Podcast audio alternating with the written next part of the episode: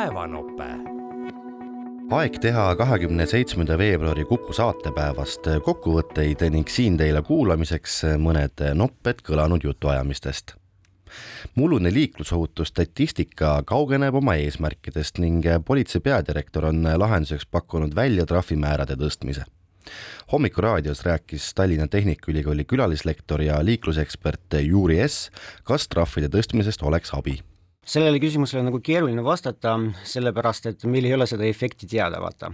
Äh, me teame seda, et peab midagi nagu ette võtma, sest olukord äh, liikluses äh, on meil tõepoolest läinud palju hullemaks võrreldes eelmise aastaga või eelmiste aastatega. kui me räägime ka, räägime ka hukkunute arvudest, siis kaks tuhat kakskümmend kaks oli meil viiskümmend, kui ma nüüd ei eksi, nüüd äh, möödunud aasta oli viiskümmend üheksa, eks ole. Mhm. et, et äh, midagi peab kindlasti ette võtma, aga kas see nüüd trahv, trahvimäära suurendamine nagu aitab sellega kaasa, noh, väga raske on hetkel hinnata. politsei ettepanek on suurendada trahviühikut seniselt neljalt äh, kaheksale eurole ning kiiruskaamerate tabatud kiiruseületamisi suurendada siis viielt eurolt kümnele. no see on üpris suur hüpe ka on küll. ja mõtle, kuidas sina maksumaksjana ja liiklejana seda nagu võtad. Äh, kui me räägime üleüldse olukorrast riigis, äh, kus meil maksud tõusevad, kõik läheb kalliks või kallimaks äh, ja nüüd lähevad veel trahvid kaks korda suuremaks, kuidas sina nagu seda võtad? Aga teine probleem on ju selles, et äh, vahet pole, kui suur see trahv on, kui sa liikluses politseid ei näe, kui see sinu nii-öelda subjektiivne vahelejäämise risk on üpriski madal, siis noh, kas see trahvimäär äh, nagu aitab äh, kaasa. teine moment on vaata see, et liikluses on ju olemas noh, kindlad meetmed, mida me kasutame selleks, et noh, liikluses saaks vähem inimesi kannatada ja, ja oleks ka vähem hukkunuid. aga nende meetmete efektiivsus ju muutub noh, ajas kui sa mõtled seda, et mis oli meil ütleme kümme-viisteist aastat tagasi, kui sellised rakendused nagu Waze ja teised ei olnud veel nii populaarsed, siis politseipatrull, noh, sellel oli nagu teistsugune mõju, vaata. nüüd, kui sa istud nagu äh, tutuusse autosse, äh, siis esimene asi, noh, mis toimub, kui sa paned mootori tööle nupust, eks ole, on ju see, et sul äh, süttib suur ekraan ja arvatavasti läheb käima ka Waze, eks ole. Ja no kui sa oled Tallinna inimene, siis arvatavasti sa igal juhul kasutad seda Waze'i, noh, teisel põhjusel, eks ole, ummikute tõttu. sa tahad teada, et kuidas sa, sa saad seda noh, ütleme sihtkohta varem jõuda. ja see Waze tahes-tahtmata ütleb ju sulle kõik asjad ette, kus on politseipatrullid, kus on kiiruskaamerad, kus on mobiilsed kiiruskaamerad ja nii edasi. nii et äh, selle meetme efektiivsus noh, võrreldes sellega, mis ta oli nüüd äh, kümme aastat tagasi või viisteist aastat tagasi, noh, see suurem trahv, ta noh, selle mõju on pigem nagu väike. Nõnda kõneles Juri S eile kiitis Ungari parlament viimase NATO liikmesriigina heaks Rootsi liitumise alliansiga. ajaloolisest otsusest ja Rootsi liitumisest rääkis sihikus Välisministeeriumi NATO ja julgeolekuosakonna direktor Karin Maandi. esiteks ta toob kaasa täiesti unikaalsed võimekused õhus, eh, vee all, allveelaevad ja ma ütleksin ka, et kolmandaks ka luures. Siis teine aspekt võib-olla, millest on natuke vähem räägitud, on on Rootsi kaitsetööstus, et tegemist on ajalooliselt tugeva kaitsetööstusriigiga, mis, mille lisaks siis sellele kaitsetööstusele on ka veel väga kompetentne ja kõrgtehnoloogiline erasektor. Eh, me teame Ericssoni ja teisi, mis on ka siis eh, sellised võimekused, mida kindlasti, eh, mis tulevad kindlasti NATO-le kasuks. ja kolmandaks loomulikult on see geograafiliselt strateegiline asukoht. on ju tegemist, meie võib-olla vaatame põhiliselt seda Läänemere riigina, aga tegelikult on, on ta ka Arktika riik, ta on samuti, on ta lääne suunas, on ta transatlantika riik.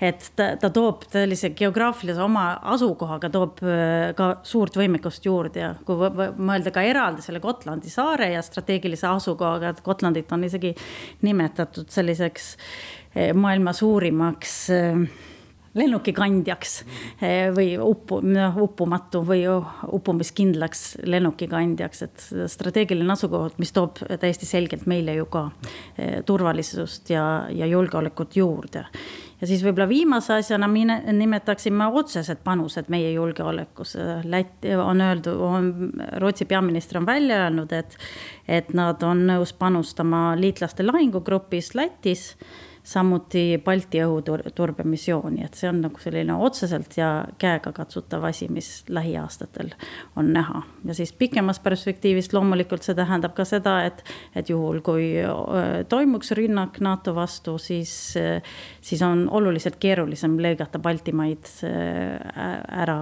ülejäänud NATO liitlastest, et Rootsi strateegiline asukoht on siis no piisab pilgust kaardile, kui me nägime, et enne Rootsit oli ju konkreetne lõik Norra, Soome, Eesti, Läti, Leedu ja kõige selle vahel, nüüd on see lõik täidetud, Läänemeri ja pääs Atlandile läbi Põhjamere on ju nüüd täielikult eh, nii-öelda NATO värves.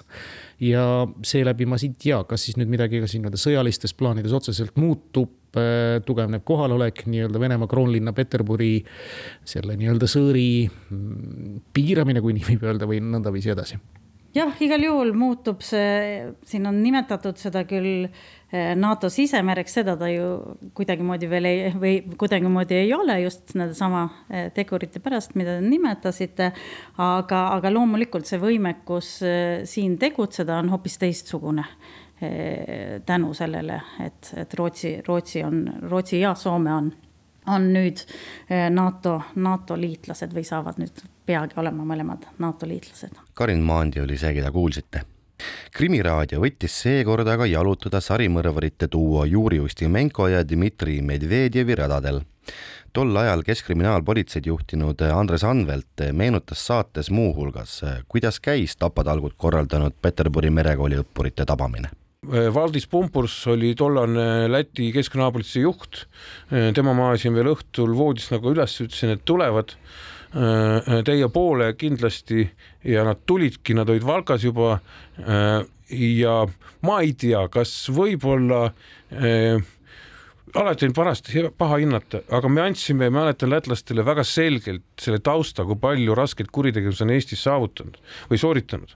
ehk tegelikult ehk oleks pidanud see politseis natuke tõsisemalt sellesse suhtuma, dokumentide kontrollis ma ei oska öelda, aga tekkis tulevahetus. üks politseinik sai kohe surma, teisel lasti jalad väga kõnetus kohast läbi, aga tema suutis pikali kukkudes lasta Medvedjevile kaela. Ehk tegelikult ta oli ennem kui olnud hea laskmisoskustega ja Medvedjev ei suutnud põgeneda, tegelikult ta lasi ära jooksnud Medvedjevit ja väga haavatus olukorras ja päris kaugelt. Mm.. nii et, et see oli väga täpne ja professionaalne lask, aga jah, kahjuks äh, Ustimenko sai tookord jooksu tõmmatud ja noh, temaga äh, sai siis, äh, temaga oligi selline asi, et politseikoer, mis pärast Eestis kuulutasime välja järgmine päev üle-eestilise operatsioonivõrk, sest sellest sündmuskohalt politseikoer tõi ta Eesti piiri peale tagasi, seal noh mm., kui me võtame Valga-Valka, eks ju, seal on Eesti piir, üks talu on teise küljes ja noh, ongi see Eesti piir on taluaed. Ja, ja, ja koer viis ta Eesti piirini. Ühesõnaga jäi mulje, et ta tuli tagasi, ta tuli tagasi, siis me mm. mõtlesime, miks. Ja loogika oli meil selles, et tal sinna Läti ja Leedu poole pole mitte mitte midagi teha, tal ei ole seal sidemeid, aga tal Eestimaa poole peal, Ida-Virumaal võis olla veel mingeid sidemeid, mida me ei ole tuvastanud mm. või kes on meil seal need käeulatus, me tegime väga palju tööd veel siis Tartus ja Tallinnas ja Ida-Virumaal, sest meil oli, no ütleme, esiteks see koer näitas meile suuna Eestimaa poole ja teine asi oli see, et, et, et siis tal ei olnud ka motiv-, no ütleme, ei olnud seda pesa, kuhu põgeneda aga tabati ta hoopis äh, siis kolm päeva hiljem ehk seitsmendal mail äh, Leedu ja Poola piiril hoopiski. ja ta oli, äh, kusjuures see tabamine oli ka huvitav, et sellest on vähe kirjutatud, aga hilisemalt see bussijuht, kes ta tabas tegelikult, bussijuht ju tuvastas ta magavalt bussi tagapingis, pingil, tal oli veel pehme sihuke plüüskaru oli ka kaisus, kus oli püstol, kui ma ei eksi, ära peidetud. Ja, ja see bussijuht vedas et see Ustimenko ka teda ära ei tulistanud. Mm., vaid e, politsei või see bussijuht kutsus siis piirivalve, need viisid ta kambrisse nii-öelda sellesse nimetatakse ahvipuuriks on siis mitte uks, seal, kus on nagu trellid. ja, ja, ja, ja siis selles puuris ta ütles mingisuguse suvalise tüübi nime, eks ju. aga see lugu oli selles mõttes huvitav, et üks noor politseikadett mm, -hmm. kes siis oli abiks või ütleme siis nagu praktikal seal. ja me kujutad ette, kahe tuhande aasta algul oli kõik veel seda elektroonilist infovahetust oli vähe ja siis seina peal oli selline äh, tagaotsitavate pildid nagu? no faksitud pildid mm, -hmm. saate aru, seal on ju no, mitte no, just eriti hea kvaliteediga. mitte hea, eriti kvaliteediga ja tema ütles, et see on vist see mm. -hmm. ja tema tundis ta ära ja siis, kui hakati kontrollima, oligi see et tegelikult me olime jõudnud Interpolis juba tagaotsitavaks panna, sest me ei olnud ju veel keegi ei Poola ega me ei olnud ju veel mingi Europoli, Interpoli liikmed olime. Ja Interpoli kaudu see tuli sinna üles, et väga raskelt noh, ütleme ohtlik kurjategija ja, ja eh, see oli suur saavutus, see oli täitsa juhus meie jaoks. Ja tänu sellele, et see, mis ma alati olen öelnud, et noor kadett on palju tähelepanelikum kui kahjuks juba tihtipeale rutiini langenud vanem politseiametnik. Ja, ja tänu seda, tänuks selle eest me siis hilisemalt, kui ma ei eksi, politsei peadirektor Harri Tuulega käisime ka Varssavis, et eh, seal piirivalve juhtkonnale ka talle vastav Eesti politsei teenetemärk üle anda. sellised jutud Krimmi raadiost kõiki saateid on võimalik järele kuulata Kuku raadio koduleheküljel või Playeri nimelises äpis. päevanope